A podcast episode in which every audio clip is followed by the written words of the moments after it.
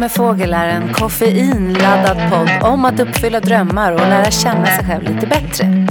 Jag som har den här podden heter Anna Fågel och jobbar som coach, mindfulnessinstruktör, sångerska och producent. Och jag är sjukt nyfiken på hur vi människor fungerar.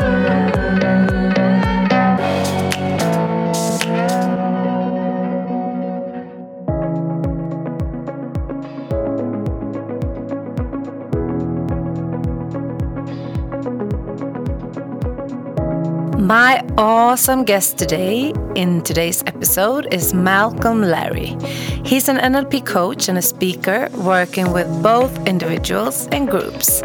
And he's also one of my amazing coworkers. And we're both, surprise, passionate about coaching. So, in today's episode, we talk about what is coaching, what is not coaching, and why do we think being a coach is such a meaningful and amazing and rewarding profession.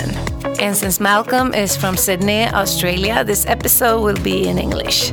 And you really don't want to miss this episode. So I hope you enjoy it.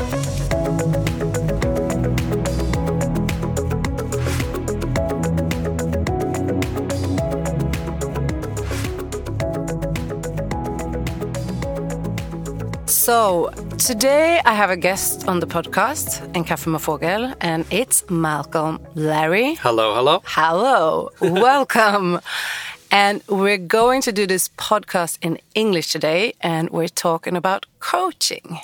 I love to talk about coaching. Yeah, me too. And we met here at the park. We're co-workers. Mm. You're one of my amazing co-workers at the park.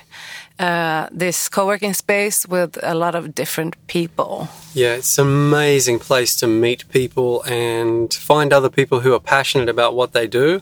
Some of them do the same kind of thing, but I think as well, like uh, one of the great things about being in a co-working space, which I was actually really resistant to doing, is how many different kind of people you can interact with. Because if you have a job, you're working with people in the same industry but if you work in a co working space, you can sit down and be around people who are from dozens of different industries and different skill sets. So it's super interesting.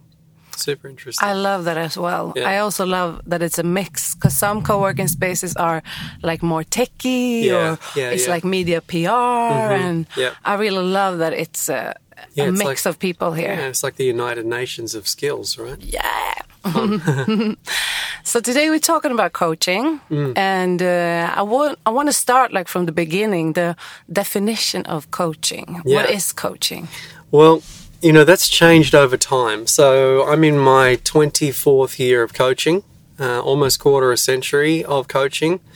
Um, and it's really changed over time. So when I started coaching, it was closer to therapy. Mm. Um, but over time, the word coach came into the language of modern day working life. And what I think's really happened with coaching is that life has sped up so much that we realize we're not going to be able to manage all the change by ourselves. And also, uh, because the word came into the language of business, especially, uh, what happened was that it moved out of the realm of just being therapeutic and it moved really into what I call pure coaching.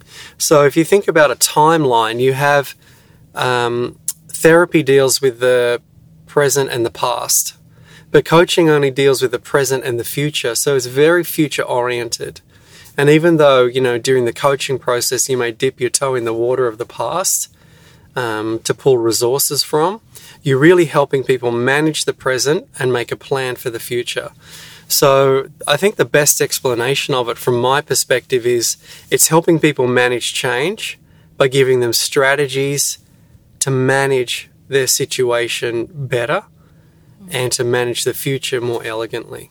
Mm, yeah. Very well put. Mm. And also this of managing change, I've been thinking about it a lot that it can be managed and changed in the life, mm-hmm. but then it can manage inner change and yep. outer change. So yeah. that's what I like about coaching that you yeah. can work on. You want to change something in your life, like you want to reach a goal, yeah, uh, or you want to change something on the inside. Yeah, uh, and and and you can't separate them actually, no. which is a beautiful thing. So, yeah. um, when you're dealing with someone's challenges, you first have to deal with their belief system. What are their beliefs about the thing that they're having a challenge with?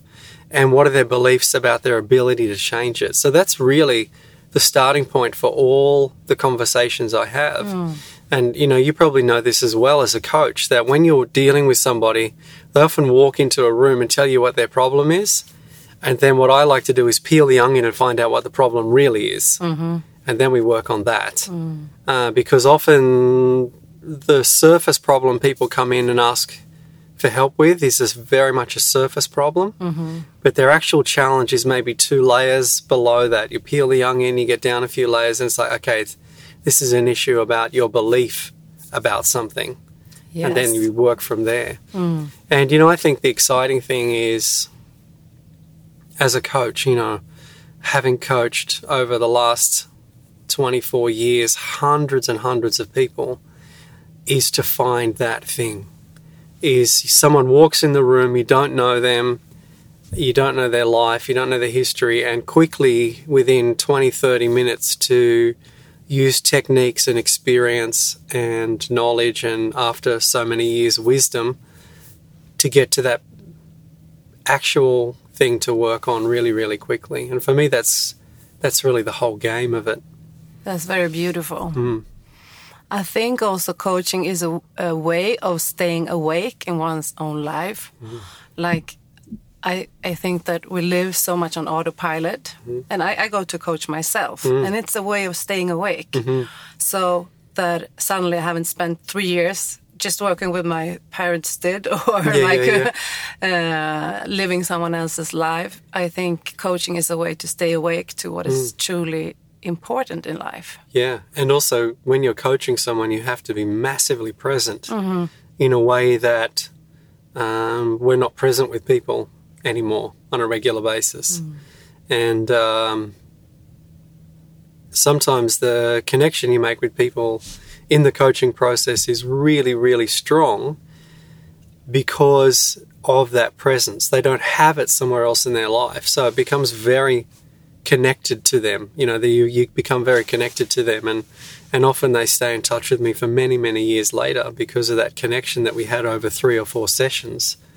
So you know, I have people that are still contacting me twenty years later, and we probably spent four hours together face to face. Uh, But the connection was so deep that it created a bond. And that is amazing.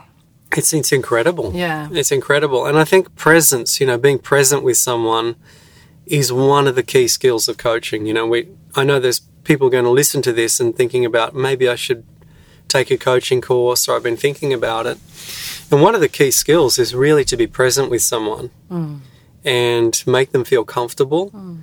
and build rapport with them, build a connection with them so they will tell you what they're actually going through, mm. what they're actually dealing with.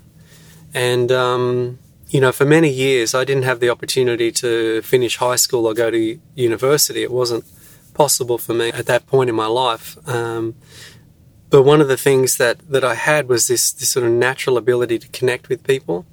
And so I wanted to use that in my professional life. And for many years, I thought, if only I was a proper psychologist, I could help people. And it was, you know, after I'd been coaching for about I don't know, 12 years or something. I said that to another friend who was a coach, and they said, Do you know how many people you've already helped? You know? it's like, yeah, you, you've got the mm-hmm. qualification, which is you, you have the ability to make people relax, connect, and communicate. And so I think if someone's looking to go into this profession, one of the things they should be asking themselves is, Am I willing to do the work it takes to be really present with people? And that means you actually have to be incredibly centered yourself, Yes. don't you think? Yeah, I think so.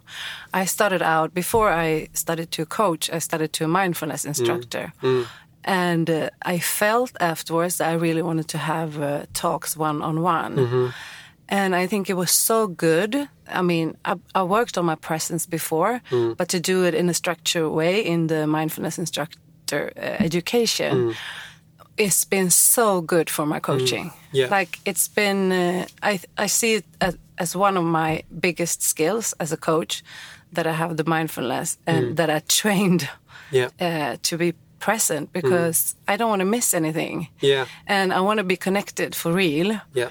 Uh, and I think that's the most beautiful part about coaching. Yeah. As you say, it's and I think so beautiful. you know if you look at the statistics on people's ability to focus and concentrate, it's been massively diminished through Yeah. Smartphones. yes. And uh, I've actually, you know, with these little phone covers that we bought, I gave one to you. It's little- Malcolm got me a phone cover uh, so I can put my phone to sleep. Yeah, it's and like- it's really good that it's a f- like a, a real one. It's Yeah. not an app. It's No, like no. I put a cover.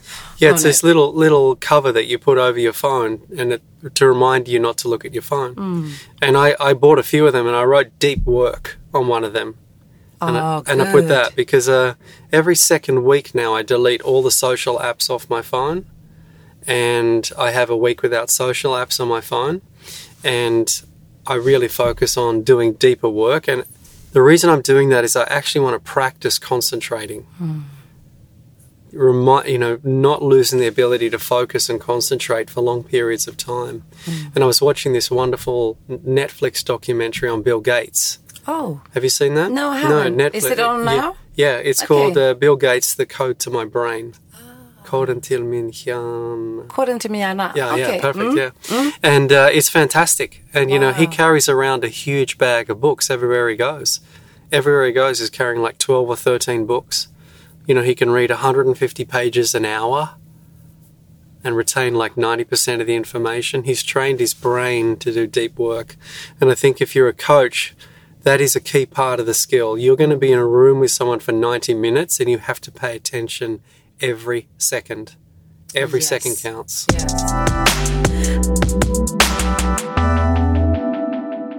And as you say, like our ability to focus today is getting smaller and smaller. And we talked about this over lunch, like how addictive also the apps are, and they they're built to hack our brains. They're built to be addictive. They're- Yeah. You know, they they put in a lot of the same ideas and technology they use for the gambling industry Yeah. into mobile phones, etc. Um, so yeah, they're incredibly addictive. If, and people like to think, oh, I'm smart enough to not be addicted, but um, you know, they're spending billions of dollars Yeah. to make these things sticky and addictive. So you're not going to outthink that stickiness otherwise, other than to not look at it sometimes Yeah. By you know deleting the apps or but my, my message is is you know if you really want to be in coaching and you want to do this work make sure you're training your brain to concentrate because you have to give someone your undivided attention for 90 minutes or an hour or two hours. Mm-hmm. And everything they say is important. And can you be there and be present and pick it up and capture it? Yes. Yeah. I have another question for you because you said before you thought about becoming a psychologist. Mm-hmm. How come you uh, picked uh, coaching? Well, I, I, it was sort of one of those happy accidents of life that uh, you know I was working for an organisation and my the owner of the company had studied NLP, neuro linguistic programming, uh, which is roughly you could translate it to brain language maps. It's NLP is a study of how we make a map of the world using language, and how language either helps us um, move towards things or pushes us away from things. And you know, he wanted me at the time I was working in sales and he wanted to send me on this course so I could get more techniques to sell things and communicate better. And uh, I was actually, you know, I, I'm quite impressed with myself when I look back because um, we were negotiating a salary and I wanted, I really, you know, I thought I'm going to ask for a really high salary, like crazy, like double. You know, I'm going to just, try it out. yeah, like I'm just going to try it. And uh, and he said, no, I'm not going to give you that, but I'll give you half of that. So I got a lot more than I expected. And I said, okay, but I want the rest of it in training then, because that's tax deductible for you. It's free, more or less. And so I was I was quite smart that in instead of demanding more money, I demanded more training because I realized if I made myself more valuable, and I'm only 27 when this is happening. Uh, I realized if I make myself more valuable, then they have to pay me yes. more in the future. Yeah. Um, so you know, the course they sent me on was a NLP course, um, practitioner course, and then I did master practitioner, and it was just like as soon as I started studying it, I just fell deeply in love with it, super excited about it, and I was just obsessed with it for the next, I don't know, five years. Studying, learning, um, learning from the people who created it. I got to study with John Grinder, who was one of the co creators of NLP. So cool. I got to study with people um, like uh, who was I studying with? I'm trying to remember the names, but you know, Connie Andreas and people who were part of creating this technology of NLP. So I got to study with some of the people who were around when it was created, and that was incredibly beneficial because I got to model not only what they were teaching but how they taught it, and because I was so obsessed with it, you know, I was doing classes and then I'd go back to classes and assist the teacher in mm-hmm. running a class. Mm. So I literally did the whole course twice. Once as a student and then once going back as a teacher's That's assistant. very good. And um, and so yeah, I studied this really intensely um, for about four or five years. And during that time, I was just doing coaching on anybody that had a problem. I'd coach people against their will. I'd coach strangers at bus stops. Um, and yeah, and it, it, it kind of really catapulted me really quickly um, to a high level of coaching because I was just so focused and so obsessed on it. That's a good point that you said you try to coach everyone because that's actually how you learn. Yeah, Like anything, Yeah, yeah. you have to do it. yeah. Uh, so it must have given you a lot of experience just yeah, by it doing was. it. You know that whole thing about getting ten thousand hours. Yeah, um, I really, you know, I have a, a a personality that when I when I get into something and I like it, then I do it really intensely um, and passionately. And and for me, it was you know something I was really passionate about, and even though it wasn't a it was when I was doing this back in like 19 late 1990s there, there wasn't a profession for this as such. But there are a lot of different places you could use it and you know I was moving into leadership roles in my in companies and and dealing with high level clients so it was it became an incredible competitive advantage to have this level of communication skill yes, and so I think, you know, one of the things now is there's a lot of coaches. And for, for coaches now coming in, they have a different challenge. Mm-hmm. That there's many, many people who are doing coaching. And I think that's a really good thing for society because the more course, people yeah, the more people who have these skills, whether they make money from it or not, the better. yeah, Um, but also for people to think about how do I coach the people in my tribe and become their coach. So a lady came to me last year and she said, you know, I want to be a coach. I've done a coaching certification, but I can't get any clients. And I said, what do you do? And she said, I work in the legal profession. I've been a lawyer for many, many years. And I said, okay, so why don't you coach lawyers? Why don't you know their problems, you know their pain points? And and I always think it's really good to do what I call double niche. Mm-hmm. So you find a group of people and then you find a group of people in the group of people. yeah, So then I said, so who would be the people that inside the law the law profession that would most benefit? And she said, women. Okay, so you're the fem- you know women's lawyers coach. good. Do you think it's important to find your niche within coaching? I, I actually do now. I think it is now. Yeah, just to make it more clear to people. Well, I think you, I think one of the big the biggest challenge with starting a marketing sorry a challenge of starting a coaching business Yeah. is marketing your Yes. business. Mm. And if you're just a coach, you it means you're marketing to everybody, which means you're marketing to nobody. exactly. So as a coach, what I suggest is you just do what I said, double niche. Who are the people that already know, love, and trust me? What community do I have? And what group of people in that community, especially, would benefit from my knowledge, wisdom, and talents? And then basically do that. So, just like I did with a lady who was a lawyer becoming a coach, mm. become a coach for female lawyers because that Really you good. know their problems and challenges intimately. Mm. And so they're the people who are going to benefit first. Once you've created a niche and you've built up some clients there, people will refer you. So at this point in my career, I don't need to advertise. I don't need to market myself. I, every now and again, I'll pop something on social media just to remind my friends and my circle of followers that I'm coaching because people know me more as a speaker mm. now in, in, in the, on social media. But I actually am 100% referrals.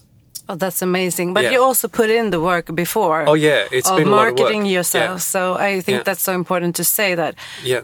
That's oh, maybe yeah. later on. Oh yeah, it takes years. Yeah. Yeah, you need you need 10 years. Yeah.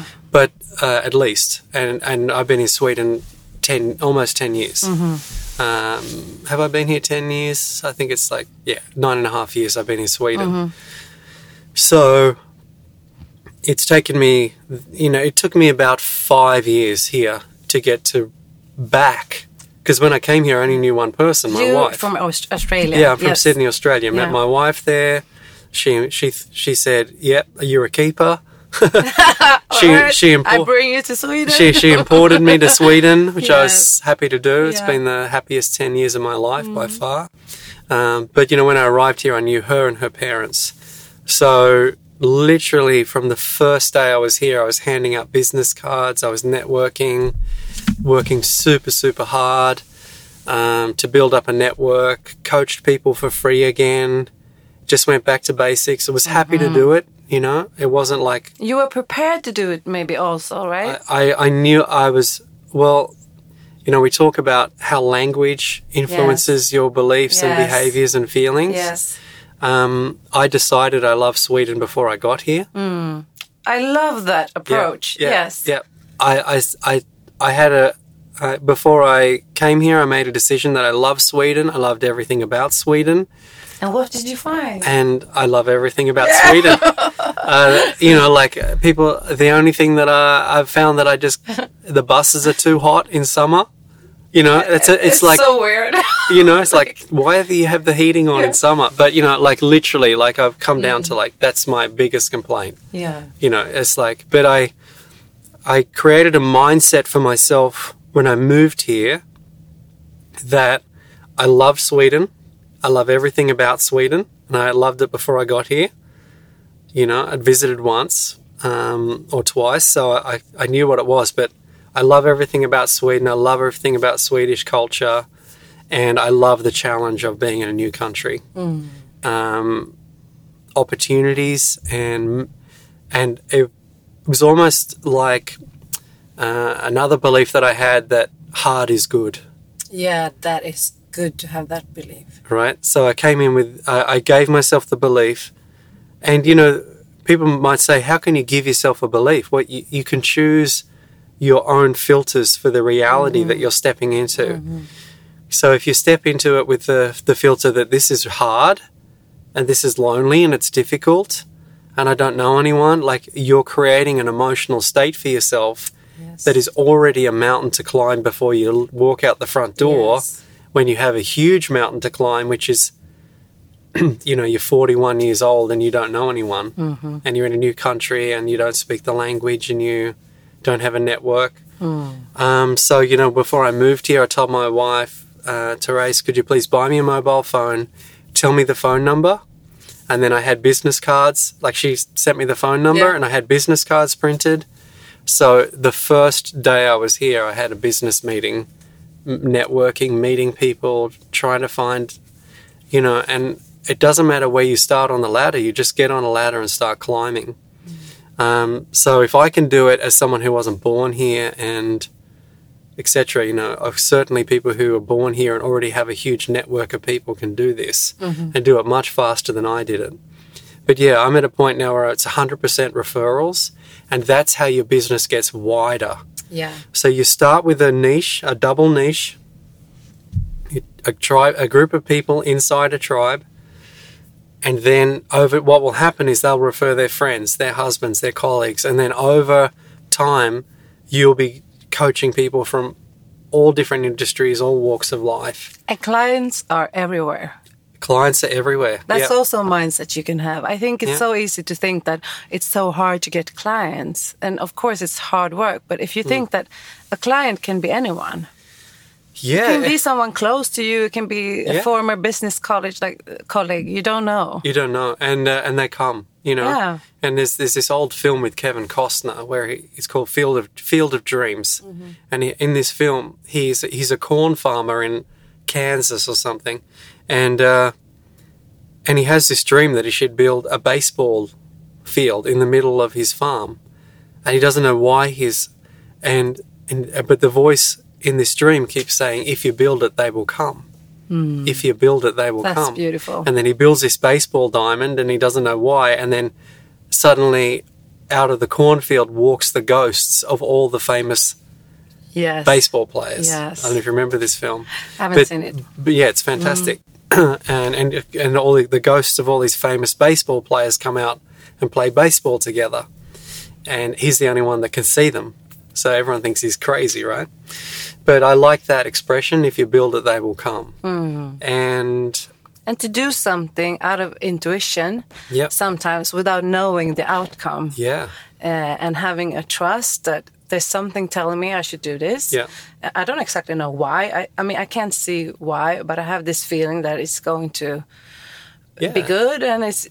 I have a trust. Yeah, and, and modern life is about managing uncertainty. Yeah.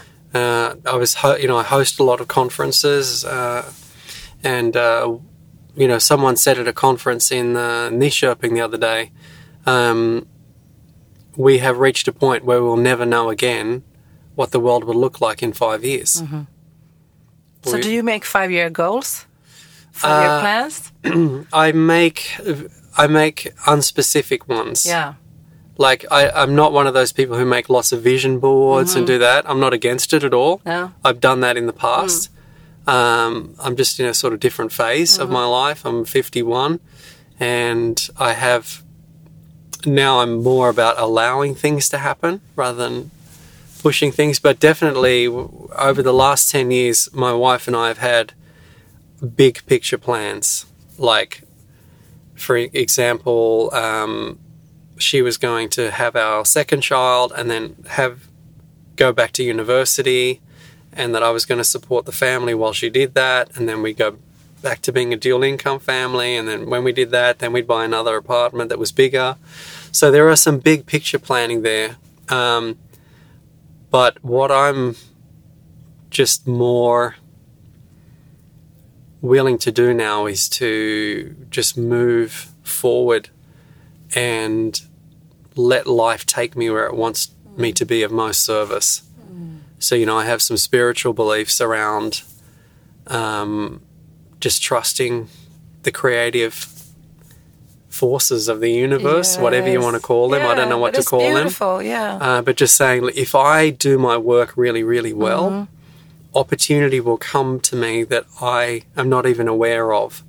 So many of the things that I'm doing, I never planned to do. So this year I've spoken in Spain, Oslo, Germany, Copenhagen. I'm going to London, Ireland, Amsterdam, um, back to Oslo.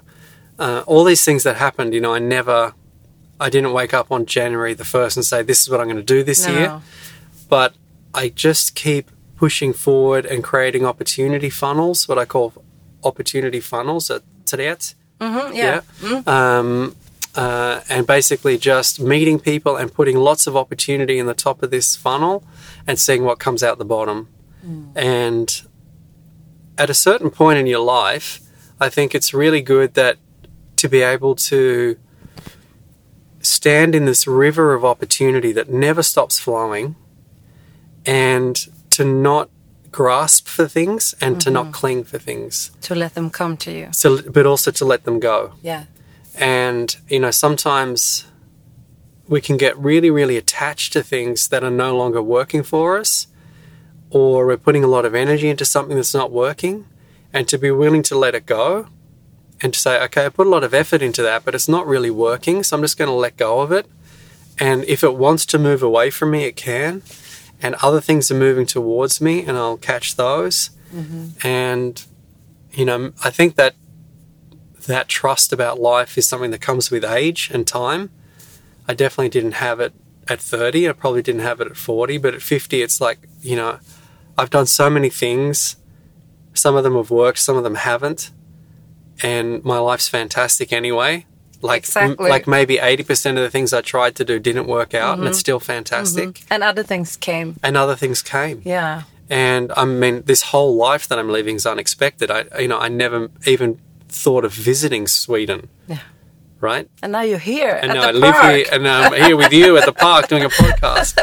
So how could I have planned this Yeah, moment? You know, it's just you have to also step into the magic Mm-hmm. of life. So if you actively create opportunity funnels, what I like to call, where you're just like, well, I'm, I'm opening up this space to be a coach. I'm going to take a coaching thing, and I'm going to look for things.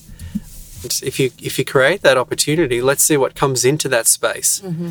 And for some people, maybe nothing comes in, but the learning of being a coach is life changing. Mm. And maybe you meet a friend.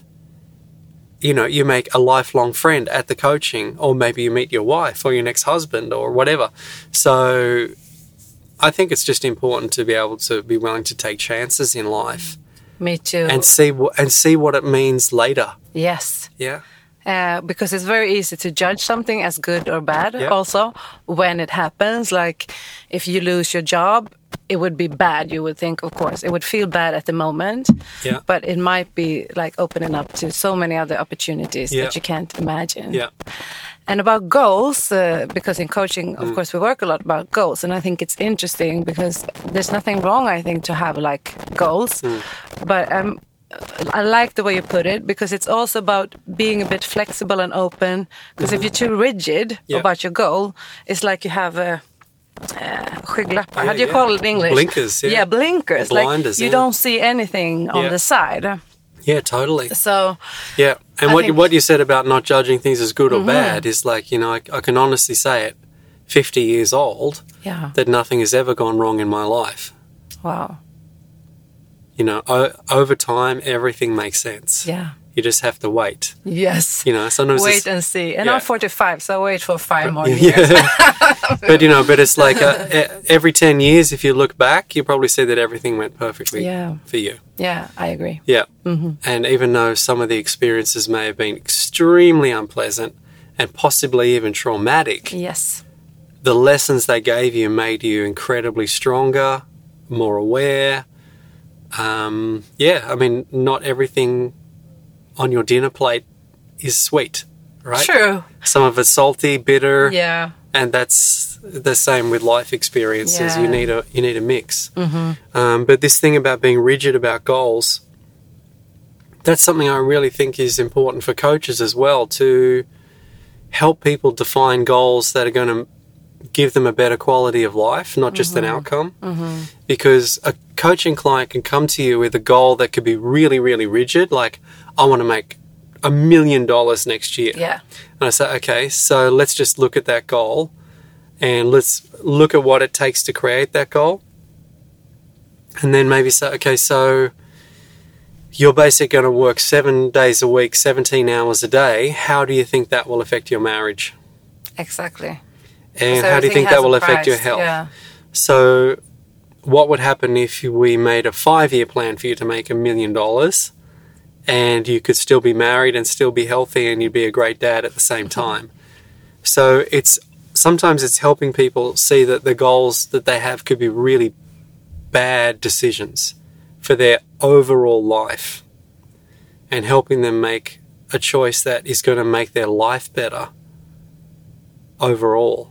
Instead of just reaching one goal. yeah, because often goals in isolation can be goals in isolation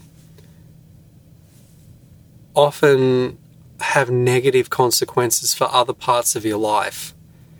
And we've we've all done different things and been obsessed with things at different times that's made us maybe ignore relationships or we put relationships before career. Or we whatever. work too hard. we and work too hard. burnout. yeah, I mean whatever. Yeah, Yeah. It's, it's just a it's a constant it's a constant uh, juggling act. Hmm. Um, but there are certain things. You know, there's this great analogy. It's not mine. It's been going around for decades. That you you know in life you're juggling all of these different balls, but some of them are made of crystal. Hmm. And so your health, your relationships, and your family. they're crystal balls. If you drop them, they shatter. I love that uh, but your picture. yeah, like, but uh, your career, you know, your your your money, they're rubber balls. They can bounce. You can always pick them up again and try again. But certain things, you know, you have to prioritize. Otherwise, you know, And it's good to learn like before you have a crisis. I Exactly, mean, yeah. Mm-hmm. sometimes you need a crisis to learn. Like if you have a problem with Yeah. your health, you will learn how important it is. Yeah. Like you might not have thought about it before, but when something happens, Yeah. you kind of realize that shit, I can't do anything if I don't have my health. yeah, yeah. I mean, Uh, I don't get sick very often. I'm very blessed to have really good health. Um, but you know, once a you know maybe one day a year or something, I get a bad flu, or once every two years, I get this dreaded kräksjuka. Yeah. Ooh, Which then is you're the worst. very grateful when you Yeah, get yeah. out of that one. It is, but it's uh, but you you're in bed and you feel, you know, you really feel bad. And every time that happens to me, it's like, my God, imagine what a serious illness must be like. Yeah. If this is like just a virus that's Mm-hmm. going to leave my body in 24 hours, imagine what a serious illness must be like. It must be so Mm. difficult. So yeah, I mean, y- and especially if something dangerous like Mm-hmm. i've been living with chronic pain a lot and i know it's nothing life threatening but it's still a challenge like Mm-hmm. it's- having something there all the time Yeah. kind of wants to take your focus away and you Yeah. have to be very aware Yep. not going there all the time or like it's it's Mm-hmm. with you yeah, but i think even in that phase i have a gratitude yeah, because this is not going to kill me fantastic. it's yeah. uh, uh, of course I wanted to go away Yeah. one day, but I can still, with pain, have a good life. yeah. Um, I want to ask you a question. Yeah. when this pain came into your life, Mm-hmm. how did you manage to give it a place in your life, but not make it your whole life? Uh, I'm going to try to answer this shortly. Yeah. But my first pain, it's from an injury Mm-hmm. uh, when I was 22, something I fell off a stage. Mm-hmm. So I got a hard uh, fall on my pelvic area. So the first uh, 10 years, I tried to act as if it wasn't there. I was working as a dancer, Mm-hmm. and dancers have a lot of pain. So I was just like, uh, don't worry about this pain. I'm not going to listen to it. I'm just going to go full on. Uh, but then it got worse. So it's maybe like seven years ago, I've started to really deal with this pain, to heal with the pain. And a big part has been mindfulness. Great. Uh, my mindfulness practice, Yeah. it's uh, making me being aware, like I have a pain, I am not the pain. Great. I also think that it's like maybe 95% of my body is not in pain. Right. Uh, yeah. And sometimes I think I'm so happy I don't have a toothache as Right. well. So I kind of found, uh, found strategies Fantastic. to deal with it with mindfulness, like uh, having a bit of distance to Right. it. And so, you know, this is a beautiful coaching technique of dissociation that Mm-hmm. Yeah. I am not the pain, Yeah. that there is pain, but it's not me and it's not part of my identity. So, really beautiful coaching technique Yeah. there, which is called dissociation, Yeah. that you're not making yourself the thing. Mm. Really, really clever.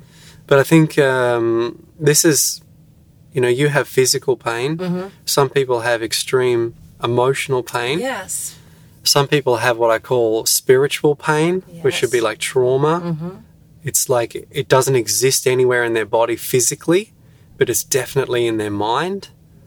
And helping people make a separation between themselves and that energy, whether it's Yes. physical, spiritual, emotional pain, is one of my favorite, favorite parts of the coaching process. To show people that they have some ability to control it. Because we have this amazing mind which can watch itself, Yes.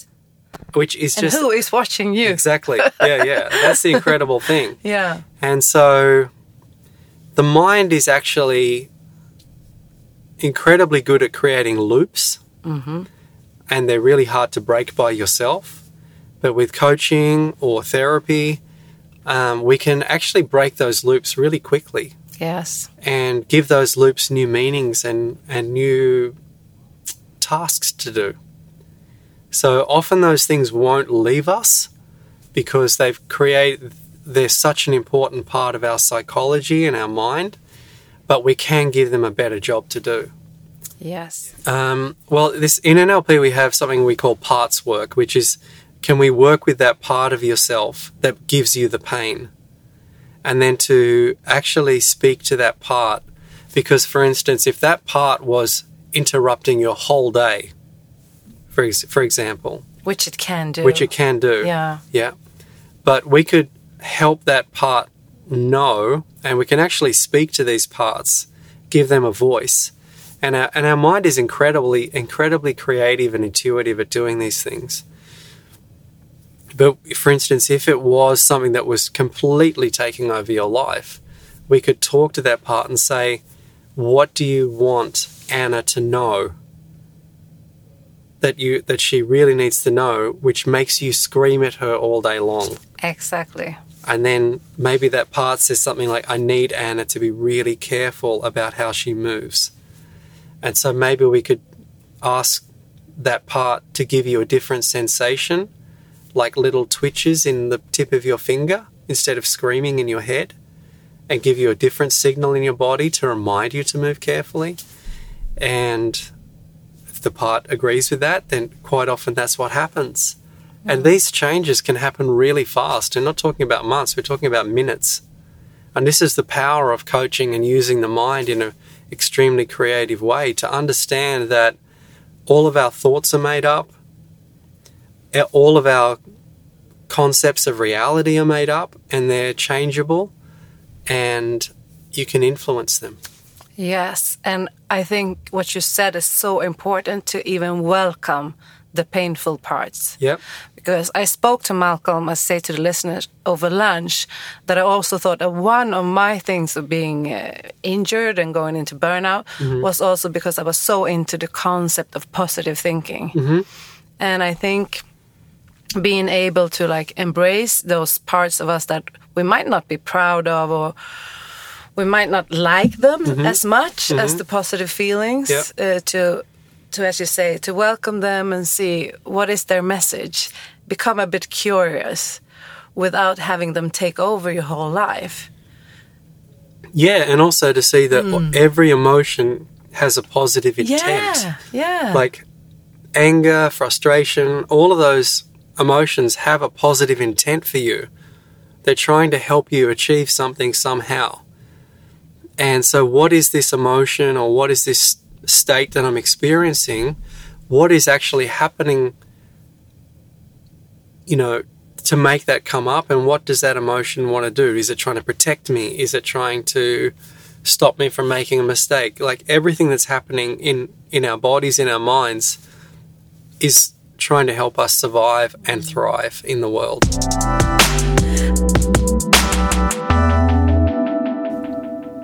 You know, quite often when I've worked with people, so much of what they learn about themselves, excuse me for my cold, uh, comes from having signals come from their body.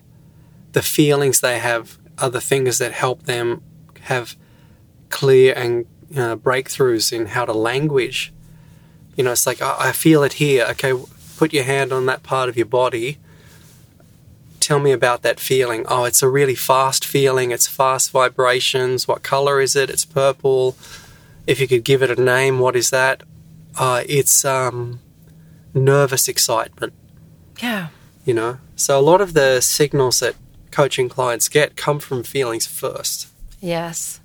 So, who would you say now we dig a bit deep into the coaching process, which is so uh, exciting to talk about? But who would you say coaching is for? It's for it's for anybody Yeah. like i mean everybody i mean i've coached so many different kinds of people It's not a mm. type of person that needs coaching i think it's more about what what is appropriate for coaching and what's appropriate for therapy Yeah. So, coaching's really good for managing change and coming up with strategies for how to manage change and to move forward. But if you really want to work on your life story, on your narrative, on understanding more about where you came from and how you came to be who you are now, then probably therapy is what you mm. should be looking at. And they're both important. Yeah. You know, they're both important. If you feel like you're stuck, if you feel like your life's not working, if you feel like there's another level you want your life to be at, you know, you can choose either of those things. I'm going to really dig into my past and try and make sense of that. Or I'm going to, or I'm comfortable with where I've been. Um, it's more about how do I manage now to get to where I want to be next. And Yeah. then coaching's more appropriate. And I think it's really important to make that distinction Yeah. and for people to know because I think uh, what we spoke about in the beginning, sometimes it's easier to describe coaching and saying what it's not. Mhm. Yeah, yeah, yeah. like, But um, but the coaching process really begins when we find out what the problem is the person has. What is the problem the person has, and that's when the coaching process starts. And from there, in that moment, you decide how you're going to coach, because there's a lot of different ways to coach. Just like there's a million ways to exercise, there's a million ways to coach. And as a coach, you need to have a really big toolbox of skills and talents and techniques to move people forward based on what you discover in the room with them. Yeah. I also think it's nice to see it as, I mean, uh, I'm thinking like the art of coaching. I mean, you've been a drummer. Yep. I work with music. Do you see any similarities to like being a musician and a coach? Being present. Yeah. You know, in music, you have to, when you're on stage, you're performing, you have to be, be there, be focused, be in the moment. Same with coaching. Yeah. So being present. Yeah. I thought about another thing. I don't know if you agree or not, but I thought about a thing about like dynamics. Mm-hmm. Like if you do uh, a concert, for example, you go. Maybe you have one uh, slow song, and then you have like one very energetic song. Yeah, definitely. Yeah. And I, I like that. I yeah. Mm-hmm. like to apply that when working in coaching. Like, what do we need here? Like, do we need this like slow song, building rapport, connecting heart to heart, Mm-hmm. Yeah. or do we need to go into like a brainstorm? Absolutely. Uh, yeah, you know. yeah, yeah. The, the, yeah, that's a that's a really good point. I never thought of it that way. Mm. Um, I think, uh, yeah, definitely, and also different clients. Yeah. So when a client, I mean, I have a client who comes in. He's a high level businessman, extremely successful, very rich, and he walks in and he is like jumping on a speeding train, mm-hmm. and he's not a go slow guy. No. So with him, he wants to go really, really fast, mm. get a bunch of insights, get a bunch of instructions, and then run out of the room and go back Yeah. to his life. And so I have to do a few tricks with him. I have to go really, really fast with him, and then I just every now and again I'll just be like, "But wait a second, what if?" And I start speaking really slowly Yeah. and I slow. I purposely use my voice and my body language to slow him down, mm-hmm. so he can get an insight, and then I go back to fast language. And so with so I call this pacing and leading, where you pacing is where you're matching what the client is doing, and then when you're in connection and deep rapport with them, then you have the opportunity to l- take control and lead them where you want them to be and then you know usually I take them back to their their natural state before they leave. But you know, a lot of these things after 24 years, I don't even think about them anymore. And sometimes I meet other NLP people and they say, "Did you do like a double swish?" Followed by, and I'm just like, I have no idea because I don't think about. No. It's just like it's when just a part of you now. well, I mean, you're, when you're a musician, you don't Yeah. you don't say I'm playing quarter notes to No. an eighth note, half tone down, half No. step up. You're just sitting with a guitar and playing music, or singing and letting it come out of you because Mm-hmm. you've done enough of the technique work that you don't have to do the technique anymore. Mm.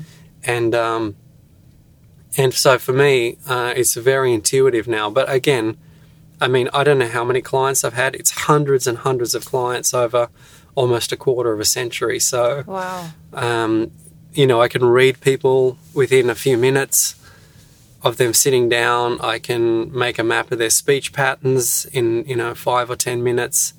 By the time they've been speaking for 15 minutes, I've picked up really key metaphors about their beliefs about themselves and the world that I can use with them to help them break through. So a lot of these things happen really, really fast for me. But again, it's that 10,000 hour rule, right? Yeah. Um, it's been hundreds of thousands of hours of study, thousands of hours working with people um, across many cultures. And then the flip side of that is that now I'm a speaker, so I go out and spend a lot of my time doing workshops and training for people, and now I'm doing this at scale. So, how do I read a room? Of, That's interesting. Yes. So, mm. you know, now these skills of being a musician and being a coach come together really well because, you know, as a musician, you, you know the moment when you capture the crowd. And having done many, many years on stage, thousands of performances as a professional musician um, in my in my twenties, I learned how to read a room, and as a coach, I learned how to read people really quickly, and so now I can walk into a room and there could be 80, 150, 200 people in that room, and I know what I need to do to capture them quickly and get them on board. Wow. And so that's been a huge accelerator in my speaking career because I had two really big momentums that I could walk on stage with. Um, and I've been speaking for a long time, but really it's been a focus of my work for the last maybe four or five years, where mm. it's been much bigger focus and speaking to bigger audiences.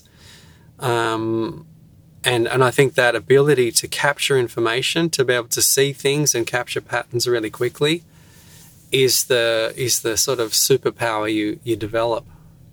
That's over amazing. time. I mean, we had a dinner party the yeah. other night, which was fantastic, and we had a, a one of my wife's friends there, who's a lady, and another friend who's a guy, and they were talking to each other, and it was really interesting listening to them interact because one of the things that you know, as you're sitting back drinking a glass of wine, watching body language, is um, I could see that they were testing each other to see how much they could talk about, and they.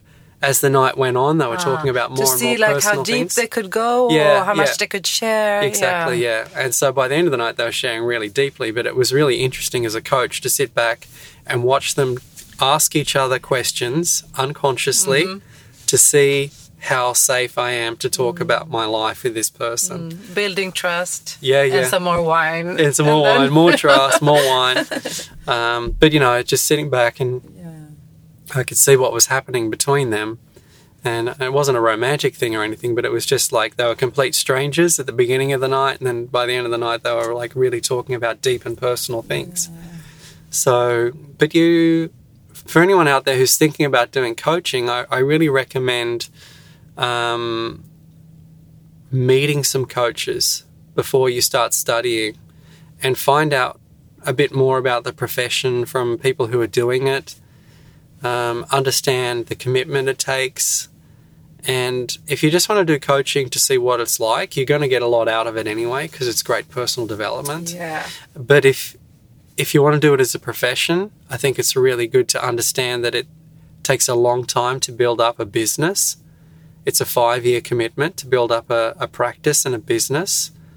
Um, and you can do that in steps. You can do that at the beginning, you're doing it part time, you're doing it after work or on weekends. And then maybe you do 80 20, where you work full time 80%, 20% coaching, and then over time you can build it up to 100%. But I think a lot of people think I'm just going to get a coaching certificate and then I'll have a business, and it's oh, it's not like that. It's not. it's not. It's not like that at all. and uh, I met a young lady recently. It's like I, I, I graduate from my coaching um, course in in uh, January, and I'm going to quit that day. And I'm like, well, you can do that, and if you believe you can make it happen, I, I believe you can as well. And I said, but you might want to just think mm-hmm. about a, a plan that maybe is a bit more strategic because um, when you don't have any network or people don't know you're a coach yet, uh, it takes even just to do basic marketing takes a lot of months. Yeah. Would build your website and make your business cards and mm-hmm. talk about who you mm-hmm. are and all that stuff. I mean, that's a lot of things you can do while you're working. Yeah. There's a lot of groundwork you can do. And I I agree because sometimes there's so much of this like you just got to throw yourself out there and like sometimes it's not the best decision. It might be good for some people. Yeah. Like I'm a mm. person mm. for me it can be good because mm. it kind of if I release stuff I mm-hmm. can really go into something and Right, do it. yeah, yeah. But for some people, it would just cause a lot of fear, and it would be too big of a challenge. So Yeah. you wouldn't be able to enjoy uh, your new business. You would just be so stressed out Yeah. about money and everything. Yeah. And So- also, I, I also just think that, you know, for the first year, you should be coaching for free. Just go out, coach for free, find people, tell people you would like to practice, get your hours up, and get really confident. Um, because, you know, you it takes a long time to put teaching into practice, Yeah. like the learnings you got from your courses into practical practice. Yeah. And usually, what happens in the beginning is you're forcing a lot of techniques on people because they're the only things you know. And what you're feeling safe with. Yeah, like, oh, let's do this mm-hmm. process, let's do that, and and that's no problem. But I think you shouldn't be charging for that. I think you should go out and build up enough skills, talents, and confidence where you really feel you're valuable as a coach, and then start charging. And if you coach for free for a year or two, that's no problem. You've got a whole lifetime ahead of you. Mm. You know, I didn't charge anything for maybe three years. I probably coached 200 people before I started charging for it. Um, and then at a certain point was like, yeah, I'm, this is really valuable now. I'm going to charge. Um, but all I cared about in the beginning was getting hours, getting practice. Yeah, it's so so important. And you know, as a performer, it's stage time that makes a difference. It's not Yeah. rehearsing, Yeah. right? It, what makes you a professional musician is stage time, not rehearsal or practice time. Because when you're on stage, you're dealing with complete. You know, you're you don't have any opportunity to stop. You know, um, fix something. It's like this is a performance. It has to. It has to now. work. Yeah, it's now. and and uh, and and that's the same with coaching. Once you sit down with somebody and you're sitting across from somebody, it's game on. You have to deliver. You need to deliver value. You need to deliver a result. And and for me, that that's the exciting part. But you also have to build that skill. And you wouldn't you wouldn't think that you were fit and healthy and have great muscles because you bought a gym card Exactly. right? Yeah. And it's exactly the same. When you graduate from your um, uh, coaching course or your program, yeah, you've done some exercises in the course, but it's not real world. Um, so it's a bit like first day of having a gym card. Now you need to do some heavy lifting, build those coaching muscles, and um, be prepared to work hard. And it's super rewarding, you know. I mean, It's the best. Uh, I think it's the most rewarding profession. Yeah, you know, I mean, people have told me that I saved their life, that I changed their life, the work we did together. I mean, of course, they did it themselves, but you know, the work we did together was, you know, really profound. Um, they were able to find their voice in the world or change careers, lots of things. Um, so, you know, super rewarding. Super rewarding. amazing. Yeah. Well, that's some great advice, and uh, we're running out of time. Unfortunately, I could sit here and talk for hours, Yeah. like with most of my guests. I love talking to my guests and listening to you. Uh, but I have like one, a few more last questions for you. Yeah. And uh, what have you learned about yourself that's been a game changer for you in your career or personally? Um, that's a really good question. Um, this came up at the dinner party that I mentioned the other night, and um, because of the circumstances I grew up with, some difficult life circumstances as a child, and how I grew up, and not growing up with a mother in the house, and having to be extremely self-reliant, and then you know choosing careers like music where you kind of really have to make your own opportunities and then changing countries and you know all these things. And then uh, someone at the dinner party said you know I never I never feel like I'm enough. And and I said I, I actually have never experienced that I don't remember a moment in my life where I ever thought I wasn't enough Wow. and and so I try and use that superpower to help other people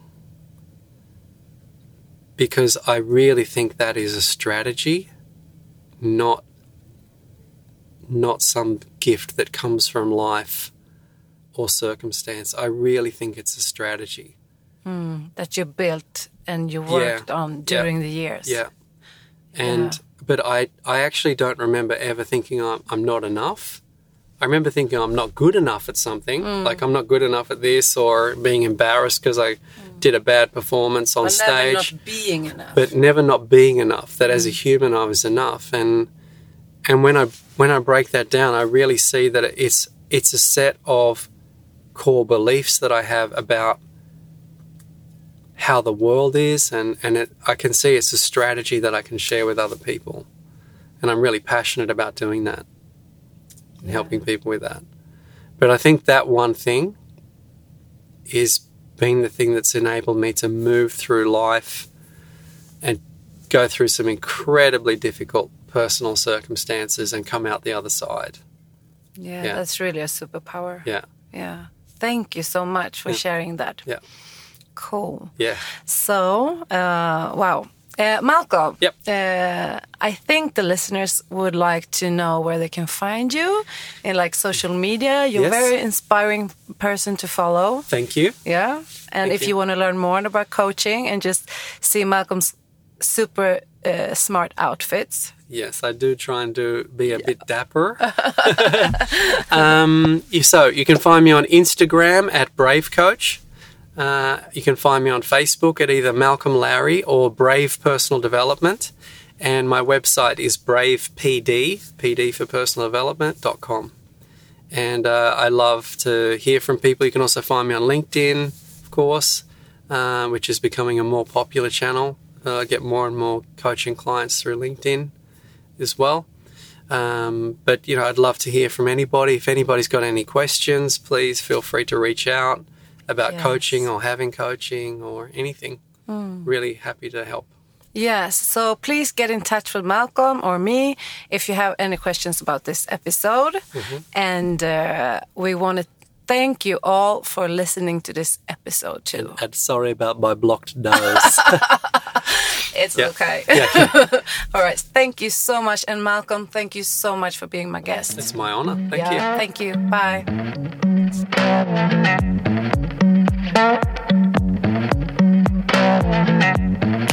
Kaffe med fågel är inspelad, klippt och producerad av mig, Anna Fågel. Följ gärna podden på Instagram, at en med fågel. Vill du komma i kontakt med mig för kurser, coaching eller andra samarbeten? Kontakta gärna mig på www.byannafogel.se anna.byannafogel.se eller gå in på Facebook med samma namn. Ha det fint. Tack för att du lyssnar. Hej då.